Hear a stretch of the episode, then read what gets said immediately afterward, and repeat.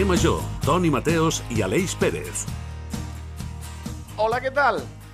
Potser alguns de vostès aprofiten aquests dies de festa i fan alguna escapadeta romàntica o una estada en un hotel de 5 estrelles amb spa. Mira, perquè m'ho mereixo i vull que em cuidin com un rei que em facin massatges. En aquests hotels hi ha moltes coses pels seus clients. Es diuen amenities i són detalls de benvinguda com sabons, raspalls i pastes de dents, gorros de bany i fins i tot algunes sabatilles d'aquelles de tela.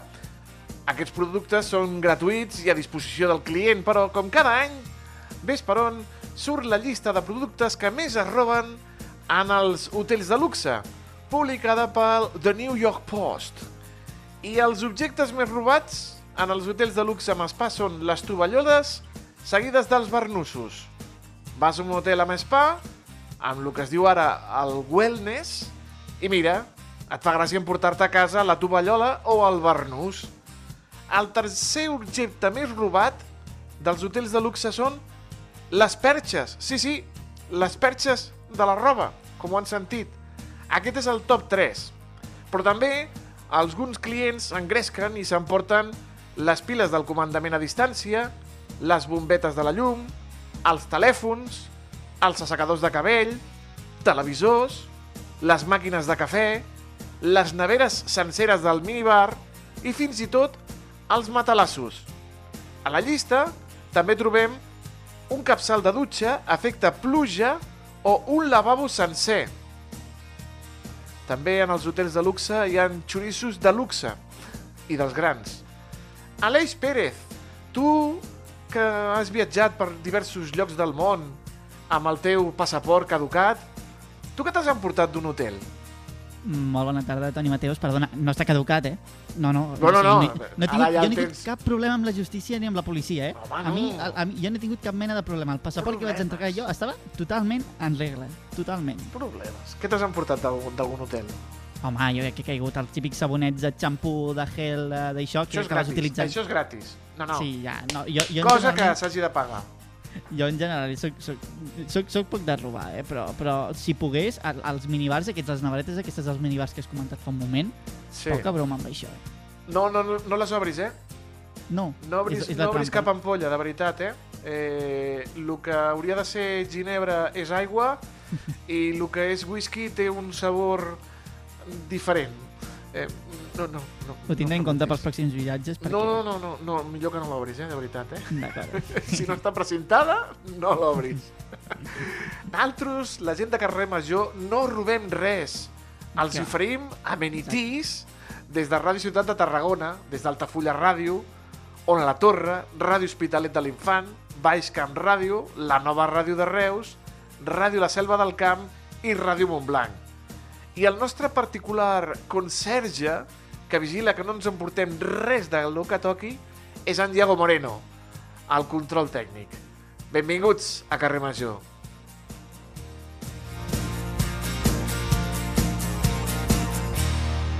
Carrer Major, a la teva ràdio de proximitat. Mile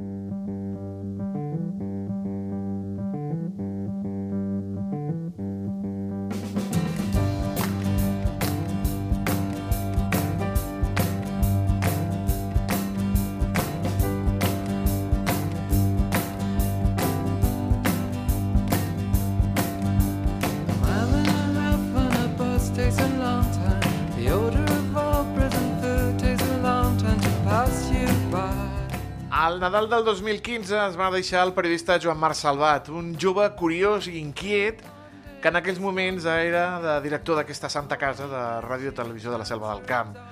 Divendres al Castell del Paborde s'entregaran els setents premis de periodisme jove que porten el seu nom. Organitzats i impulsats per Reus Digital i la nova ràdio de Reus, doncs hem volgut convidar els seus dos màxims dirigents, que els tenim assentats a la taula, bueno, a les cadires de la nova ràdio, en Maria Arbonés i en David Fernández, que tots dos estan als estudis de la nova de Reus, i els saludem.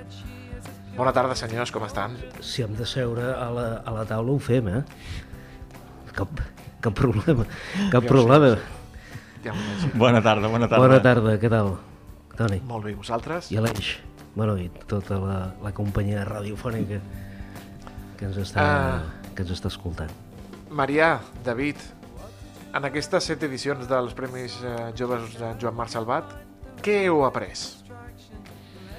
Ostres, doncs mira, sobretot una cosa, sobretot una cosa, i és eh, haver de, eh, desmuntat aquell cert tòpic, perquè existeix, no?, que la joventut, doncs, eh, i, i en aquest cas també els periodistes, no?, els joves periodistes, doncs, eh, en major part eh, hi, ha, hi ha un treball erm, no? I en aquests setès premis, bueno, ja, ja n'érem conscients també al marge dels premis, però en aquests, eh, en aquests setès premis, en aquests premis, això s'ha confirmat, no? perquè eh, des del primer el que sí que estem trobant, eh, amb el gran nombre de participació de treballs que estem rebent, és un, uns treballs de gran qualitat. N'heu rebut un, un bon grapat eh, per aquesta edició d'enguany. Com ha anat això, David? Doncs sí, s'han presentat una quinzena de treballs d'arreu del Camp de Tarragona i de les Terres de l'Ebre i com sempre doncs, són una mostra del periodisme jove que es fa a les nostres comarques i destaquen doncs, que hem rebut treballs de totes les categories eh, que tenim doncs, dintre d'aquest concurs, és a dir, treballs escrits per un costat de premsa escrita, reportatges fotogràfics, hem rebut també algun projecte audiovisual, per tant, mm, doncs sí, podem constatar que el periodisme jove, per sort, doncs gaudeix de molt bona salut al Camp de Tarragona i que déu nhi com pugen les noves generacions de periodistes, eh? vull dir, es fa molt bona feina. Mira, teniu al davant l'Aleix, que és un jove periodista. Mira, la- l'Aleix Pérez, que de, de fet, amb, amb una de les edicions dels Premis Joan Marc Salvat, diria que va ser l'any passat, es va endur un guardó, no, I Aleix? tant, i tant. Jo vaig guanyar un segon premi amb el Punt Japan, un programa molt interessant que vaig fer sobre, sobre joves que tenien històries a explicar i vaig dedicar doncs, cada capítol a una persona i una mica un, una temàtica relacionada amb els joves. Però sí, sí, la veritat és que vaig quedar molt content i us volia preguntar, aprofitant això, que entenc que també és complicat no, a l'hora de valorar doncs, uns treballs tan interessants, tan atractius, però alhora tan diferents. Sí, sí, sí, sí, sí, perquè és el que deia el, el David, no? hi ha molt bona feina, es presenta molt bona feina i eh, a vegades doncs, quan els membres del jurat han de deliberar eh, quins són els guanyadors o guanyadores, doncs hi ha una mica allò de debat, no?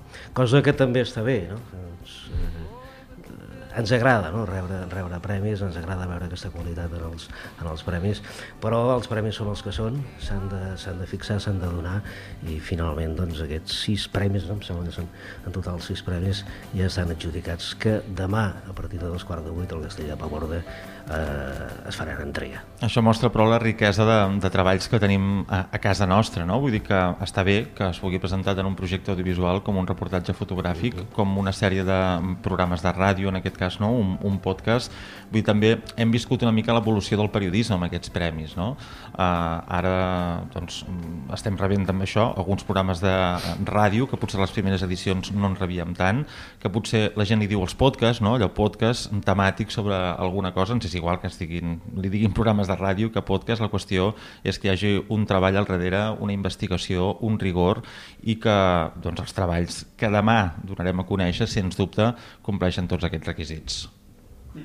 I bé, jo volia preguntar també perquè enguany s'ha sumat a l'organització tant el Col·legi de Periodistes com la Fundació Privada Redis. Quina importància té doncs, aquesta, aquesta unió i què permet els premis? Doncs moltíssima, perquè fins ara doncs, aquests premis els organitzàvem aquests dos mitjans, no? reusdigital.cat i la nova ràdio de Reus, dos mitjans amb els quals el Joan Marc ja havia tingut una relació molt, molt, molt estreta, tant amb un mitjà com, com amb l'altre, però aquest any doncs, vam decidir impulsar aquesta convocatòria al Col·legi de Periodistes de Catalunya a Tarragona, doncs, que des de sempre, des de la primera edició, de fet, ha col·laborat molt estretament en el concurs, enguany doncs, parlant amb ells vam creure oportú de sumar-los a la convocatòria, a, a l'organització, per tal doncs, d'ampliar també la difusió de, del concurs i per un altre costat la Fundació Privada Redis, que també en alguna de les darreres edicions havien col·laborat mm, com a un organisme extern i en aquesta ocasió doncs, també s'han volgut sumar. No? És també doncs, una prova de la bona feina que hem estat fent durant aquests sis anys, que veus doncs, que aquests dos organismes han, ens han donat la seva confiança i han volgut també sumar-s'hi. Exacte, que s'afegeixen també a la feina que s'ha estat fent també la col·laboració amb les entitats i els ajuntaments que hi han estat des del principi, no? amb aquesta unió, connexió, inclús Reus, la, la selva del camp. Sí, sí, sí, sí, sí. Reus, la Selva del Camp.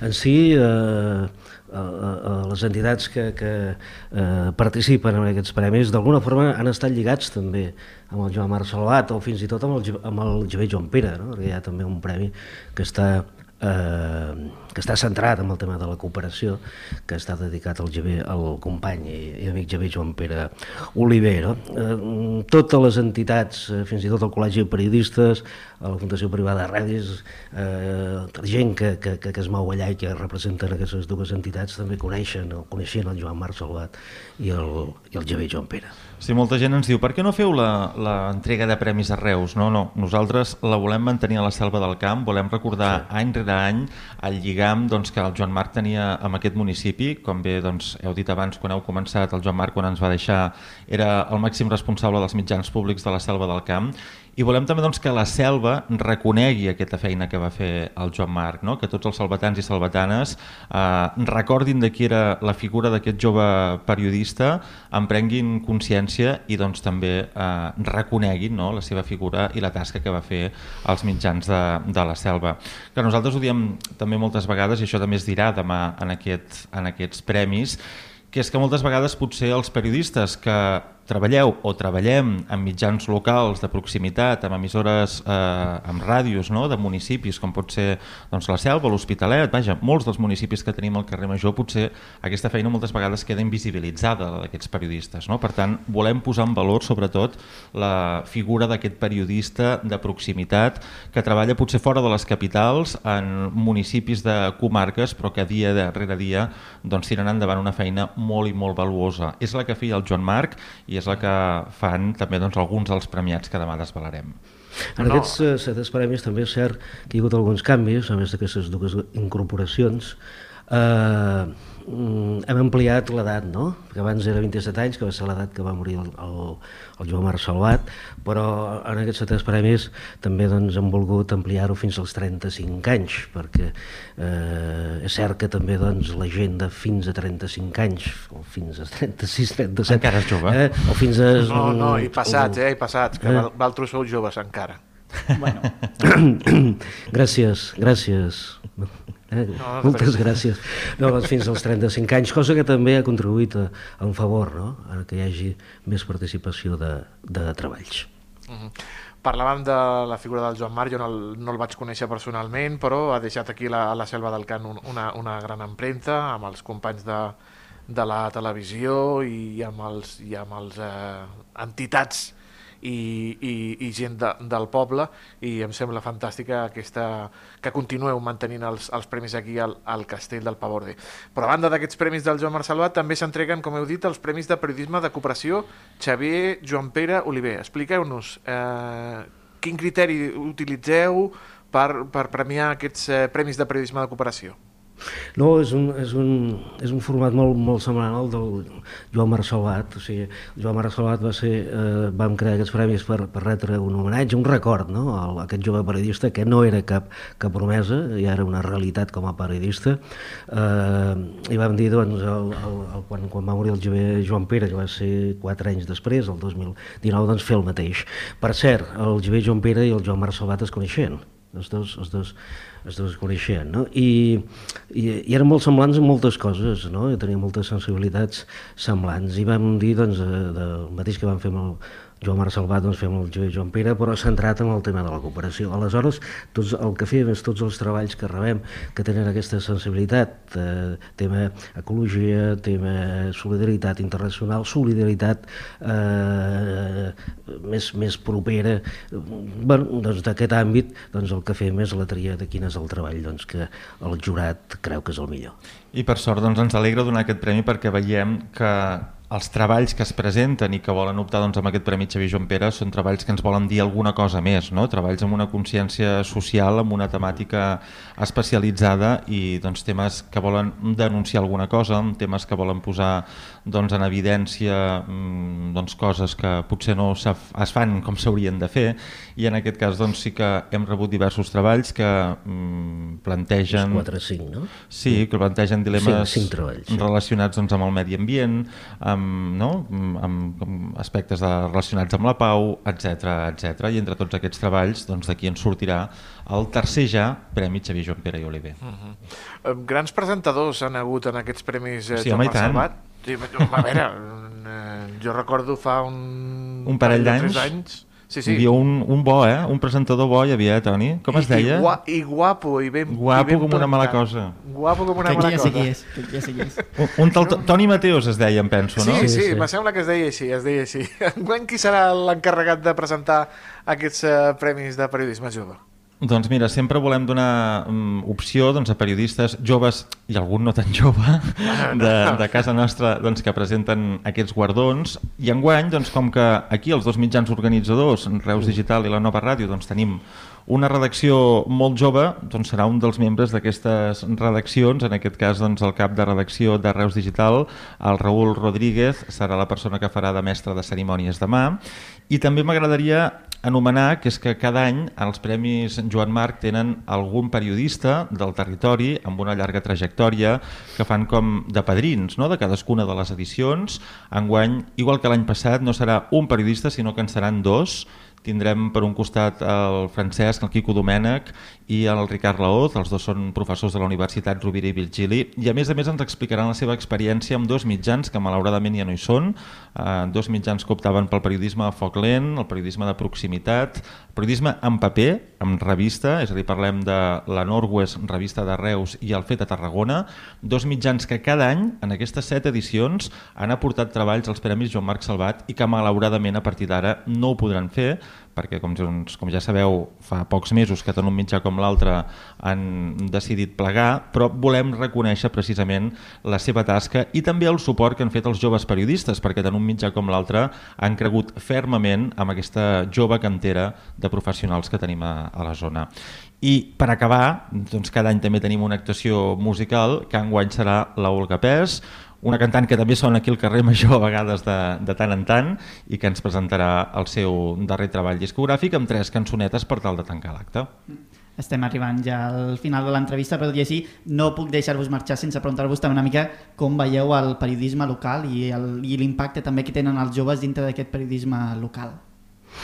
Bé, bé, bé, no, no, no, hi ha molt bons exemples, eh, aquestes eh, generacions noves que estan pujant, eh, bé, o sigui, fan molt bona feina, molt bon treball. Sí que és cert que malauradament, doncs, eh, clar, tot això també va acompanyat de, de no, no sé, és el meu parer, no? d'una disminució de, de mitjans locals, de tancaments, ara el David en estava comentant dos, no? per, per mi també excel·lents mitjans de comunicació, NW, Revista de Reus i l'Ofet de Tarragona. Eh, mm, no sé, veig una transformació, veig que gent que està sortint de la, de la, de la facultat de periodisme, doncs, sobretot eh, la seva sortida professional, d'això en parlarem demà també, no? serà la, la taula rodona que, que es parlarà, doncs eh, si realment volen anar a mitjans de comunicació o volen doncs, buscar-se la vida de portar xarxes d'empreses públiques o privades o fer d'assessors o fer d'assessors i de caps de premsa de partits polítics és, és un tema, clar, vull dir, hauríem de posar aquí coses no? Eh, en una balança i, i veure com està. Però, a veure, eh, jo no sé, jo, jo, jo, jo veig eh, molt bona feina per part de, per part de, de, de molts joves, no? d'aquesta edat que teniu aquí. Aquí n'hi ha tres no? que representen aquesta edat de sobre uns 20-23 anys que esteu fent molt bona feina, no? Uh -huh. Ai, doncs, sí, sí. Demà, ja ho saben, eh, dos quarts de vuit, Castell del Paborde, la Selva del Camp, els setents premis de periodisme jove Joan Marc Salvat. Ens trobarem, ens farem abraçades i, i prendrem una mica de cava i avellanes que sempre, sempre estan presents, no, amics? Molt bé, doncs moltes gràcies. Fins, fins demà. Gràcies, David Fernández. Gràcies, Maria Arbonés. Eh, Gràcies a vosaltres, i- com sempre. Gràcies a vosaltres. Gràcies. Fins la propera. Una abraçada. Adéu. Adéu. Estàs escoltant Carrer Major.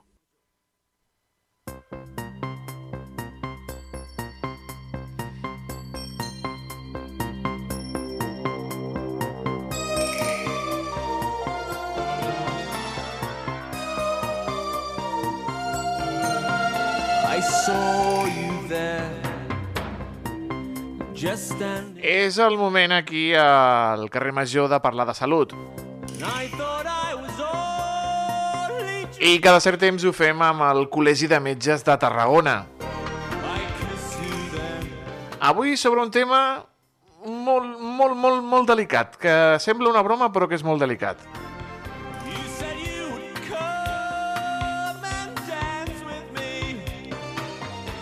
I ho farem doncs, amb la doctora Mireia García Villarrubia. Ella és la vicepresidenta del Col·legi de Metges de Tarragona i la tenim a l'altre costat del fil telefònic i la saludem. Eh, doctora, molt bona tarda i gràcies per contactar amb el carrer Major. Bona tarda a tothom. He dit que avui parlaríem d'un tema molt seriós, que és les consultes que fem al doctor Google i al doctor ChatGPT. Ho fem molt malament, no, doctora? Bueno, no ho feu malament, entenc que és el primer recurs que trobeu. Vol dir que... Feu alguna cosa, no? Nosaltres a vegades no som fàcils d'arribar i en canvi el doctor Google és molt fàcil d'arribar, no? Però el doctor Google no sempre encerta. No, del qual, però la immediatesa del dia a dia és el que ens porta, no? Sí, i és molt perillós perquè eh, tothom fica, me fa mal al cap, eh, tinc vòmits, tinc nàusees, tinc marejos, no sé què, i el doctor Google sempre tira cap a lo pitjor. Igual a càncer, igual a càncer. igual a càncer, t'estàs morint. Exacte. I potser és un, i potser és una, un atac de vertigen, un simple atac de vertigen. Sí, tal qual, exacte. No, no, la veritat és que uh, ho dic en plan broma en el sentit de que, de que és, evident que la gent, amb, amb, amb la societat que tenim de la immediatesa, el que tenen més fàcil i més ràpid és, és el, el telèfon mòbil, no? que el tenim tot el dia enganxat a les mans, i és el més fàcil, no? Posar què em passa, me fa mal al cap i tinc vòmits, i el primer que se'ls dirà és que un tumor al cap però evidentment no, uh, si, si anem recorrent a doctor Google o ChatGPT o el que sigui, no hem de descuidar que són màquines que no parlen més enllà del que tu li estàs comentant de símptomes, no? I aquest és, és, és el cas d'arribar al metge i que el metge realment doncs, interpreti aquests símptomes dins del teu context eh, psicoso psicosocial i biològic, no?, d'alguna manera. Llavors, és, és aquest punt on, on, on el, la ciència del metge arriba, no?, i no arriba pues, doctor Google o ChatGPT, d'alguna manera. Ho, ho noten molt en les consultes, doctora, que la gent eh, primer, abans d'acostar-se al metge de capçalera, al seu metge de família, ho fa eh, consulta amb el mòbil? Ho noten molt també a les, a les consultes? És que m'han Bueno. dit que potser és això. Bueno, podria, sí, la veritat és que, a més, cada vegada tenim més gent jove a les consultes, cosa que abans no teníem, que normalment teníem la gent gran i, i, i els crònics, però ara també hi ha molta gent jove perquè tenim molta incertesa de tot i, i necessitem de que algú ens confirmi el que tenim o el que no tenim, no? I al final és com que això, ells miren, es pensen que tenen alguna molt greu i llavors quan arribes a la consulta i ho poses en context, veus que realment era una cosa molt banal i que potser no hagués calgut aquella consulta, no? Si no hagués consultat allò i, aqu i aquella cosa li hagués posat a, a, el crit al cel, no? Llavors, eh, jo, el meu, no sé, el consell seria a mi, si algú vol mirar ho miri, però que sempre demani l'ajuda i el consell d'un professional darrere, d'una persona humana, no?, d'alguna manera, perquè amb això de la tecnificació, intel·ligència artificial i tot plegat, doncs, bueno, sí que encerten moltes coses, però moltes coses tècniques que és el que us deia, no? La, la medicina des de la primera carrera ens ensenya que és una ciència biopsicosocial i la tecnologia potser sap de biologia, però no en sap del context psicosocial, no? També, que és important. Llegia jo en un article eh, que la Universitat de Long, de Long Island, de Nova York, ha fet un estudi, ha fet 39 qüestions relacionades amb medicaments, li ha preguntat al xat GPT, que ara està aquesta eina que està tan de moda, i només 10 podrien considerar-se com respostes satisfactòries, les altres 29 eh, podrien ser eh, inexactes, incompletes o incorrectes. Exacte. Aquí, aquí està el fet, no? Que ells sap molt de biologia, però només d'aquell tema, no? O sigui, tu has de posar en un context de que una persona li pot donar un fàrmac segons quines malalties té, no? I segurament que el ChatGPT només et posa la medicina que necessites per una patologia concreta que tu li expliques, però ell no sap, eh, ell no sap res més d'aquella persona, saps? No sap ni el Eh, pes, no perquè- pregunta ni el pes, ni l'alçada, ni l'edat de la persona, exacte. Exacte, ni la veu, ni com viu, ni quines altres patologies té, no? Si té una insuficiència renal hi ha molts fàrmacs que s'han d'ajustar la dosis, o insuficiència hepàtica, no? O les interaccions que hi ha entre fàrmacs. Llavors, clar, hauries de fer una pregunta molt, molt, molt àmplia al xat GPT perquè realment t'encertés, no? Li has d'explicar tot el context del pacient perquè realment t'anés a la, a la resposta correcta. Coses que no fem, no? És el que deia, no? Normalment la gent té un símptoma i li posa aquell símptoma només, en canvi no li diu res més, no? No li diu que, per exemple, s'està prenent un antibiòtic avui i ara té diarrees. I diu, tinc diarrees, no? I en canvi el ChatGPT no sap que s'està prenent un antibiòtic i aquell antibiòtic li podria donar diarrea. Llavors, és aquest fet de mirar la persona holísticament i transversalment i, i d'aquí també la feina molt tan important i tants estudis que hi ha de transversalitat dels metges d'atenció primària, que són els que coneixen el pacient d'aquesta manera tan holística i tan transversal. Mhm. Bueno, i, i què dir que ni Google, ni ChatGPT, ni cap eina d'aquestes té la empatia d'un metge. Aquí està, que és el que tant necessitem avui en dia. Jo últimament amb els companys els deia, dic, la veritat és que jo no havia donat mai tantes abraçades com estic fent aquests dies a la consulta d'atenció primària, no? Que és que hi ha gent que te la demana. És, doctora, i em pots fer una abraçada? Mm. I l'altre dia ho comentava amb els companys i deia, en sèrio? O sigui, és que últimament estic trobant que cada dia una o dues persones em demanen una abraçada. I, Ah, ostres, et fa pensar moltes coses, no?, això, i, i, i realment el que necessitem avui en dia en aquesta societat tan tecnòcrata i tan incertesa i tan immediata és una mica de proximitat, d'escolta, de temps, no?, de tot això que, que, que sovint manca en la societat que estem vivint avui en dia. les intel·ligències artificials cada vegada aprenen més i cada vegada aprenen més i cada vegada aprenen més. Creuen, eh, doctora, que poden ser una eina que poden utilitzar els metges eh, en un futur com, com una espècie de, de recolzament per recolzar la, la, el seu diagnòstic o, o, o, o, poden fer, o poden treure llocs de feina aquestes eh, eines en un futur? Home, doncs jo, jo crec que poden ser més una ajuda que no pas una altra cosa, però és el que tu dius, no? És una eina complementària a la feina d'un professional humà, d'alguna manera, no? Uh, tots sabem que cada vegada hi ha moltes més patologies, hi ha molts més fàrmacs, i hi ha moltes més coses que, que al final uh, la intel·ligència eh, artificial ens donaria totes aquestes eines que no ens hi cap a nosaltres al cap d'alguna manera, no? Que realment nosaltres també a vegades mirem al Google quan no ens en recordem d'aquell fàrmac que tenim, no? I fiques dues coses i ja te surt d'alguna manera, no? O sigui, una eina complementària ha de ser, i realment si existeix, perquè hem de tenir tot al cap si ho tenim al costat a la màquina, no? El, el meu pensament és aquest, un cop ja has fet una carrera i ja, has fet tota, ja, ja tens tota la, la, la base científica de, de tot plegat però evidentment que ha de ser una cosa complementària a la nostra feina i que ens, i que ens pot ajudar, per lo que us dic, que cada vegada tenim més coses i, i encara que no podem arribar més d'alguna manera, eh, a vegades.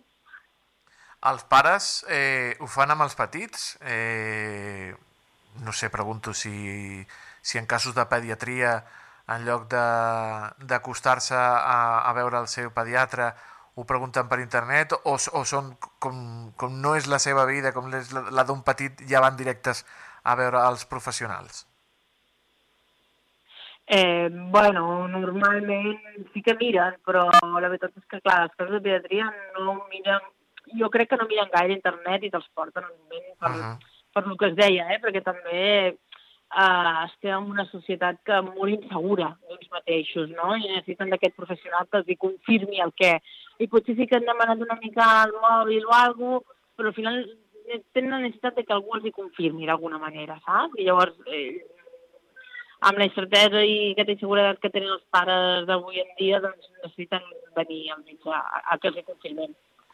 I ara en aquestes èpoques eh, de Nadal, eh, aquestes festes nadalenques, refredats, empatxos i, i, i mals de panxa i mals de cap i tot, tot això seran les, les consultes que més hi hagi en les consultes dels metges d'atenció primària, però també al xat GPT i al Google, no, doctora?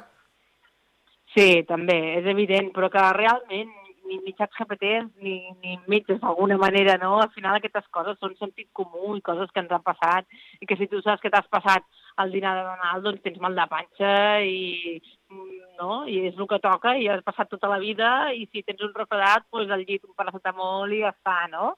Que al final de vegades també trobem això, no?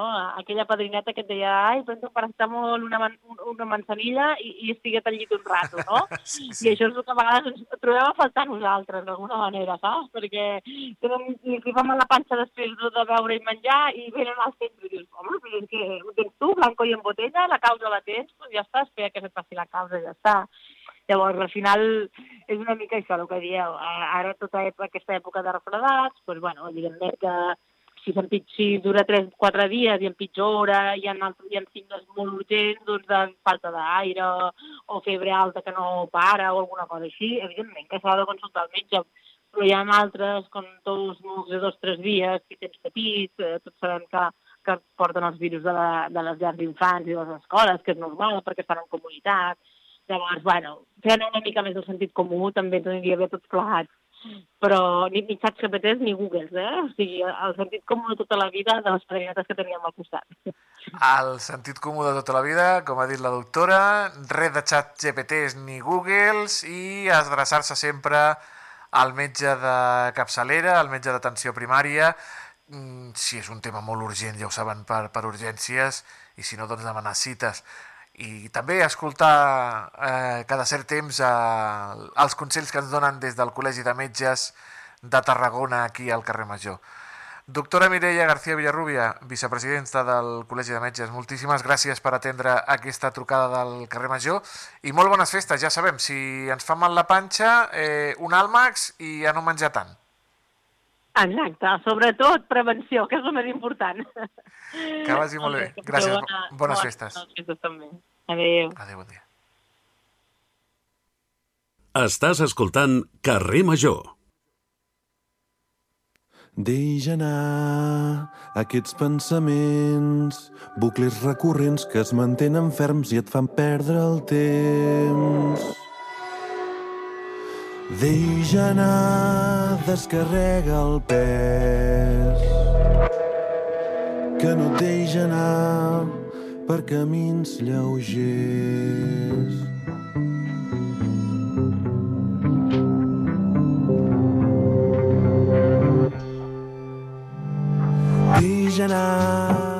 És la banda sonora que cada dia ens porta el David Fernández des de la nova ràdio, que avui el tenim per partida doble a l'Eix. El tenim, hem parlat amb ell dels Premis de Periodisme Jove Joan Marc Salvat i ara la banda sonora del Camp de Tarragona que ens porta cada dia. Anem a saludar-lo. David Fernández, bona tarda. Hola Toni, hola Aleix, molt bona tarda. Avui escoltem una novetat musical que ens arriba des de la ciutat de Tarragona i des d'un músic d'aquesta ciutat que porta una llarga trajectòria musical, però també com a actor, com a artista sonor i plàstic. Es tracta d'en Roger Conesa, un compositor, multiinstrumentista i productor que ha treballat en moltes formacions del territori. A nivell personal, a nivell artístic, doncs ha tret dos discos amb el personatge de Roger Benet i ara està preparant les cançons del camp de ser el seu primer disc signat com a Roger Conesa. Un treball que es dirà Endreça, que produeix també el tarragoní Magí Capdevila i del qual doncs, ara fa unes setmanes vam escoltar una de les cançons, la primera carta de presentació d'aquest àlbum. Un disc molt original, amb uns arranjaments molt elaborats, amb una producció molt cuidada, amb samplers on trobem sons d'aspectes eh, que rodegen la vida d'en Roger Conesa i que també ha volgut incloure en aquest treball. Ara fa, com diem, uns dies ens presentava el seu primer senzill i ara ens avança una altra cançó que es diu Deixa anar i que també doncs, demostra la línia per la que tirarà aquest disc. Un treball que per cert es presentar el passat mes de novembre al Teatre Tarragona, a Tarragona, i que esperem que quan surti doncs, el disc es pugui presentar també a altres municipis del Camp de Tarragona. Avui doncs, la música d'en Roger Conesa és la banda sonora del Dia del Carrer Major amb aquesta peça, aquest Deixa anar.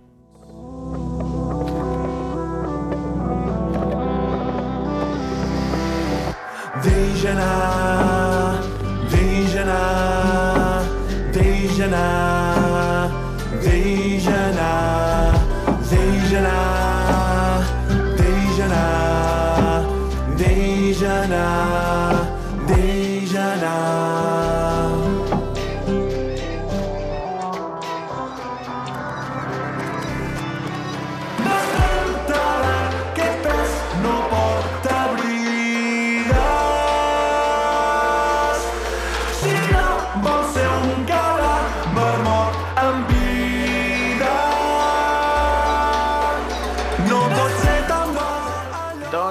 la música de la banda sonora que ens porta el David Fernández. I ara anem als ODS.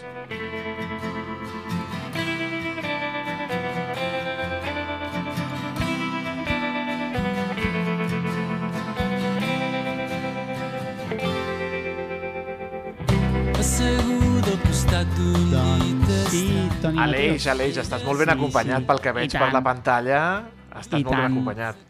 I tant, Toni Mateos, avui als ODS doncs, l'hem feta grossa. Ja ens agrada, com ja saben, aturar-nos a les diverses iniciatives del territori per veure una mica com encaixen dintre dels objectius de desenvolupament sostenible. Avui toca parlar de la gent gran, a la que podem també encabir l'ODS número 3 dedicat a la salut i també el benestar i la vida activa. Tenim nosaltres a la gerent dels serveis, a la Jerusalem Terra, i molt ben acompanyada, ja ens aniran presentant una mica a poc a poc quines són les nostres tres convidades, a part de la Jerusalem Torre. I bé, anem, anem una mica a passos. Primer de tot, Jerusalem Torre, molt bona tarda, com estàs? Pues superbé, eh? Sí. Pues mira, aquí que anem de ruta a Reus, hem, hem organitzat una petita excursió. Exacte, perquè si se'n recorden, ja farà mig any o així, doncs, doncs va sorgir no? en una de les últimes entrevistes dir, mira, doncs vindrem a Reus a passar una mica el dia. Sí. Què tal, com està anant fins ara i amb qui vas acompanyada? Bé, mira, vaig acompanyada de la meva esquerra, comencé per la Lourdes, eh, la Carmen i la Pilar, de Reus i de Roda de Barà. I falten dos més, però bueno, el que toca a l'hivern comencen les grips i aquestes coses. I bé, m'agradaria saber una mica això, qui, qui, qui són aquestes tres, aquestes tres persones que tens al, al teu costat, si us aneu presentant una a una. Hola, bona tarda, sóc Lourdes i bueno, sóc una, una persona que vaig al, al casal de Roda de Barà i en quant a la Jerusalem, que és el, la que porta una mica el tema, doncs, bueno, ens ho passem molt bé, eh, ella doncs, en, es preocupa molt per nosaltres perquè doncs, que fem activitats, i això doncs, és molt important perquè a l'edat que tenim avui en dia són persones que encara que jo tinc 75 anys penso que els 75 anys d'avui no són com els de, tem de temps enrere estem més al dia, doncs entenem una miqueta les xarxes socials vull dir, i, bueno, i volem doncs, no sé, estar molt al dia i, i anar fent fi, com Sí. estem fent fins ara Exacte, senyora a la seva esquerra, apropis una mica al, al, al micròfon, aquest aquí, sí? D'acord? Eh, apropis, apropis al micròfon, sense, sense por. I com es diu una mica també, quin és, quin és aquest projecte, Carme, el Carme. aquest de, de, de seniors als nous jubilats, una mica també com funciona aquest projecte i què hi feu? Bueno, doncs jo tinc que dir més o menys el que ha explicat ella. Anem al casal, fem taller de la memòria, eh, moltes activitats i bueno, la, la Jero ens ajuda molt en moltes coses i, bueno, i, i mirem de fer activitats per al nostre compte, com gimnàs, com fer viatges, sortir i bueno, estar, estar al dia amb tot el que podem, la veritat. Exacte, entenc que també avui és una mica una aventura, no?, això de poder venir aquí a la ràdio Sí, i explicar, sí, sí, una explicar-ho, mica la, sí. la, la feina. Si em pots explicar també una mica... Anem a la universitat també. També? Sí, fem un, el segon curs ja de, de la universitat a la UIC, de Sí. Universitat Internacional Catalana, i també, bueno, també fem uns treballs allà, ara hem fet el de Nadal, eh, o sigui, pessebres i, i sortides culturals, i tot, mo- moltes coses, la veritat, sí, sí. Mirem d'estar actives. Sí, exacte. I deixem acabar una mica la, la ronda amb la companya que tens aquí al costat, com et dius? Jo dic Pilar. Sí? I... I sóc una part de la, de la Quero, totalment. Anem a, anem a fer taller de memòria, sort n'hi ha, perquè ja comença a fallar una mica la memòria. Llavors, al, al taller, pues, eh, com que té molta energia, aquesta dona té molta energia. Sí, I, pues, la contàgia, no? Ah, Exacte. Exacte. contagi. I, I, i bueno, pues lo que tu no, no acabis de prendre, ella, eh, amb la seva risa, amb la seva eh, aquesta gràcia que té, pues, tot s'apega. Sí. Ho entens. Sí. I al final... Exacte, és una mica no? l'energia la, la, l'energia aquesta de contagiar una mica qui, quin és el secret, no? Entenc que també és molt important i, i, i defenseu que també és molt important una vida activa, com l'intenteu tenir? Entenc que cada dia també és una mica un, un món diferent. Doncs mira, nosaltres som quatre amigues i cada setmana ens ajuntem en una casa, no? I juguem al Rumicub, després expliquem tonteries, xistes i ens ho passem la mar de bé, no? I bueno, després a la millor un dia diem, mira, avui agafem el tren i ens en anem, jo què sé, a Madrid. Pues agafem el tren i ens en anem a Madrid i, i bueno, ens, ho, ens ho passem bé i, i, i, bueno, i llavors és una forma de, de tindre, estar actives, no? I, i això, i, i després mm, bueno, doncs que fem excursions, com hem dit abans, i, i, i no sabria què més explicar. Sí, no, no, sí, és, és molt interessant i a més també perquè trenqueu una mica no? tots aquests tabús o tots aquests estereotips que donen la sensació de que quan, fas a, quan compleixes a partir de certa edat hi ha coses que ja no les pots fer, és, no és així, no, Carme? No, no és així, no, i tant que no. Tot és tenir voluntat i, bueno, i buscar-te coses, activitats i, i sí, sí, relacionar-te amb altra gent i, mm. i això és molt important, no quedar-te a casa. Mm. Sí, sí. Exacte, és un, és un d'aquests exemples que Sí. comentaves la, la universitat, no? No sé Mhm. també Sí, com sí. va sorgir aquesta idea, com us heu animat i, i quina experiència, si us està agradant o no us està agradant. Sí, sí, ens està agradant molt, sí. Bueno, va sorgir, doncs va sorgir per medi del casal i bueno, ja vam començar, ja et dic l'any passat, ja ho vam fer, és el segon curs, i bueno, està molt bé, també fem moltes activitats i, i les classes molt, estan molt bé, professors molt, molt bons, eh, ens parlen de tot, i bueno, i, i, o sigui, cada mes fem també una sortida cultural, hem estat aquesta, aquest mes passat hem estat a la Casa Ametller, a Barcelona, i, bueno, i hi ha altres coses que farem més abans que Sí. s'acabi el curs.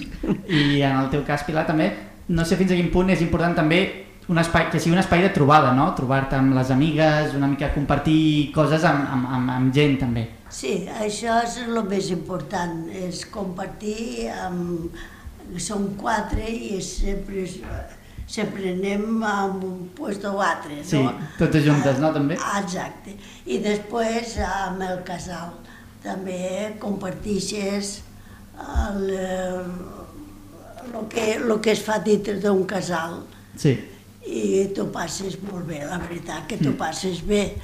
I um, després també pues, tu ja tens les teves activitats, a mi m'agrada la pintura, faig pintura, després ja un dia tens que anar a Tarragona, un altre dia mm, per sortir te'n vas a Barcelona, un altre dia Sí, potser de vas, tot, no? Sí, potser vas a la cantonada Sí, sí, sí, només ja bé, sortir. exacte. Sí. I, i ja està bé. I, I això és, eh, sembla que no omple.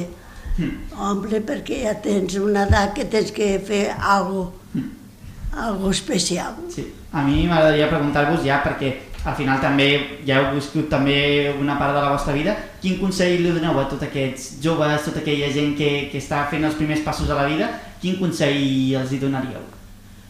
pues mira, que positivitzessin les coses, que no es quedessin a casa, que veiessin els gots mig plens en comptes de mig buits, que això és molt important, i que tinguin ganes de fer coses, que no es tanquin, i que si en un moment donat eh, se senten que estan malament, pues que no dubtin anar amb un professional perquè és molt important la salut mental, no? Ho aconsellaria a tothom. Després jo voldria explicar-vos que tinc l'Alexa, eh, estic amb aquest programa, i és molt, molt interessant perquè és una forma de distreure't, no? perquè pues, té jocs, eh, té activitats, bueno, i sembla que no estiguis sola, no? Li pots preguntar qualsevol cosa, i a més a més jo, el meu fill també ho té, i ho Sí. trobo molt interessant i ho aconsellaria a molta gent, perquè fixa't, imagina't que jo ara en un moment donat caic a casa meva, no? I, i dic, ostres, i no tinc el telèfon a la mà i tal, i li dic, Alexa, truca a l'Òscar. Sí, en un I- cas d'emergència, Sí, doncs- i ella em diu, a l'Òscar tal? I jo dic, sí, i llavors, doncs, per exemple, seria una forma de no quedar-me jo allà estirada a terra, no? I ho aconsello a que moltes persones que estiguin soles doncs que, que la tinguin perquè és, és, és molt important, no? Doncs aquí, fins aquí les recomanacions i els consells. Eh, anem una mica justos de temps, però i així us volem donar les gràcies per venir aquí, per conèixer la ràdio, per prendre's el vostre temps i, i, res, i també a la Jerusalem també ja, ja parlarem, ja tindrem l'oportunitat de compartir moments i seccions amb ella, però us volia agrair a les tres venir avui aquí a la ràdio a explicar una mica doncs, com porteu el vostre dia a dia. Moltes gràcies. Molt bé, gràcies. Gràcies a vosaltres. Aleix, pren bona nota eh, d'aquestes i tant, senyores. i tant, i pren tant, bona jo- nota i i, tant. sobretot el, els bons consells que t'han donat de la, la de l'Alexa, eh, que Sí, és sí. una, una gran idea. Mira, mira. Jo només li demano cançons a l'Alexa. Li dic, Alexa, Sí. posa'm això. Alexa, fes-me això. I, i mira, i, eh, i lo de la... m'ha agradat molt el que ha explicat la, la, la senyora que ara s'ha posat els cascos, a la saludem. Lo de l'Alexa, m'ha agradat molt, eh, senyora? Diu que, diu que gràcies, sí, sí. Fantàstic, és una, és una gran idea. I un bon consell per la, per la gent gran i, i també un bons consells pels joves que ens ha dit ella doncs, que, que aprenem a, a, a mirar sempre endavant. A, a, Aleix, apunta tu, eh, que aquest, I tant, aquestes i senyores, tant, i tant. eh, experiència, bueno, ens donen mil voltes. Sí, Gràcies sí. a totes quatre, que vagi molt i molt bé. Gràcies. Gràcies. Una abraçada, que vagi molt bé. El valor del Camp de Tarragona, carrer Major.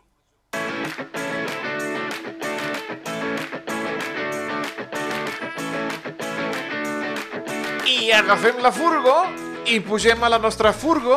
Avui ens ha sortit un programa molt teatrero. A primera Ens hora... agrada, eh? Sí, sí, sí, sí, sí. A primera hora, la Anna Plaça, la nostra companya, ha parlat amb la gent de Dames i Vells de Tarragona eh, sobre el seu pessebre vivent. També ha parlat amb el Ball de, dels Malcasats de Torre d'Embarra, amb el Nadal Malcasat, i ara la Cristina Artacho, més cosetes típiques de Nadal, els pastorets, però pastorets golfos, amb la golfa, amb la companyia La Golfa i els seus pastorets actualitzats i tarragonitzats. Eh, Cristina Artacho, bona tarda, Bona companya. Bona tarda. Dia més aquí, a la Furgo, avui des de Tarragona, des de l'Institut Antoni de Martí i Franquès, per parlar d'una tradició nadalenca molt arrelada a Catalunya i a Tarragona també. Eh, parlem dels pastorets, concretament dels pastorets de la golfa, per parlar-ne amb el president i actor de la companyia, Òscar Balanyà, i amb un altre membre de la Junta i també actriu, la Júlia Avelló. Aquests pastorets són especials perquè són tarragonitzats, veritat, Òscar? Sí, sí. De fet, els nostres pastorets cada any canvien i els anem actualitzant amb coses que ens hagin passat durant l'any, tant a Tarragona, en realitat, com a Tarragona, a Catalunya i com al món. Feu broma amb això? Sí, hi ha una escena concreta, que és l'escena de l'infern, que sempre varia i sempre la situem en un conflicte nacional o internacional. Bueno, aquest any, puc dir de què, de què va aquest any? No, Ah, doncs aquest any ho haureu de descobrir. I com es gestiona tot això? No? En quin moment es comença a treballar? Uh, quin moment arrenca la companyia a treballar la producció d'aquell any? Doncs la companyia comença fa eh, anys llum, no sé, fa molts anys. Però els pastorets que coneixem ara, els pastorets de, de Tarragona i, i actualitzats no? i tarragonins i això, comencen el 2001. Llavors ja portem quasi 30 anyets. I a nivell de cada campanya, com funciona? A partir de quin mes comencem a organitzar-vos, a pensar, a parlar amb els actors? Eh, idealment començaríem eh, després de Santa Tecla, però bueno, tothom té una mica la seva vida i ens costa trobar-nos i llavors comencem més o menys a mitjans d'octubre o així a començar a preparar, a repartir personatges si no estan repartits, si no els eh, heretem de l'any anterior i des d'octubre fins al desembre assajos a tope. I totes aquestes coses actualitzades que afegiu i canvieu cada any són també autogestionades? Surten dels assajos de coses que potser proposen els mateixos actors?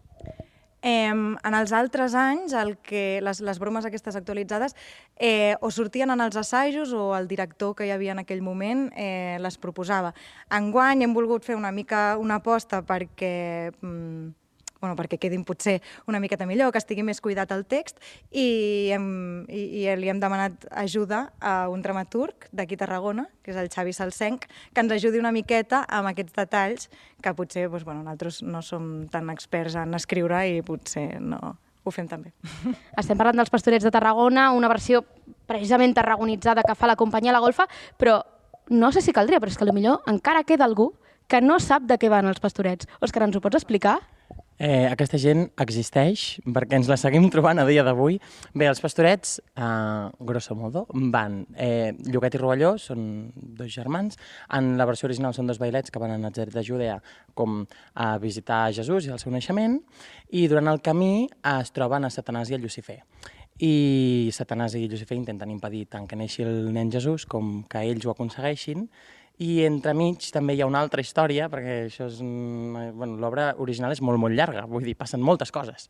Eh, hi ha la història de l'Antònia, que en l'original crec que no es diu Antònia, i és un home, ja sé, és, és un home, ens ho diuen pel pinganillo, d'allà, eh, però nosaltres a la nostra versió es diu Antònia, eh, i és un home que li va vendre l'ànima a Satanàs. I llavors també és com Lluquet i Rovelló, sobretot Lluquet, intenten ajudar a l'Antònia, en aquest cas, a, no, bueno, a aconseguir que, no, que el diable no s'emporti la seva ànima.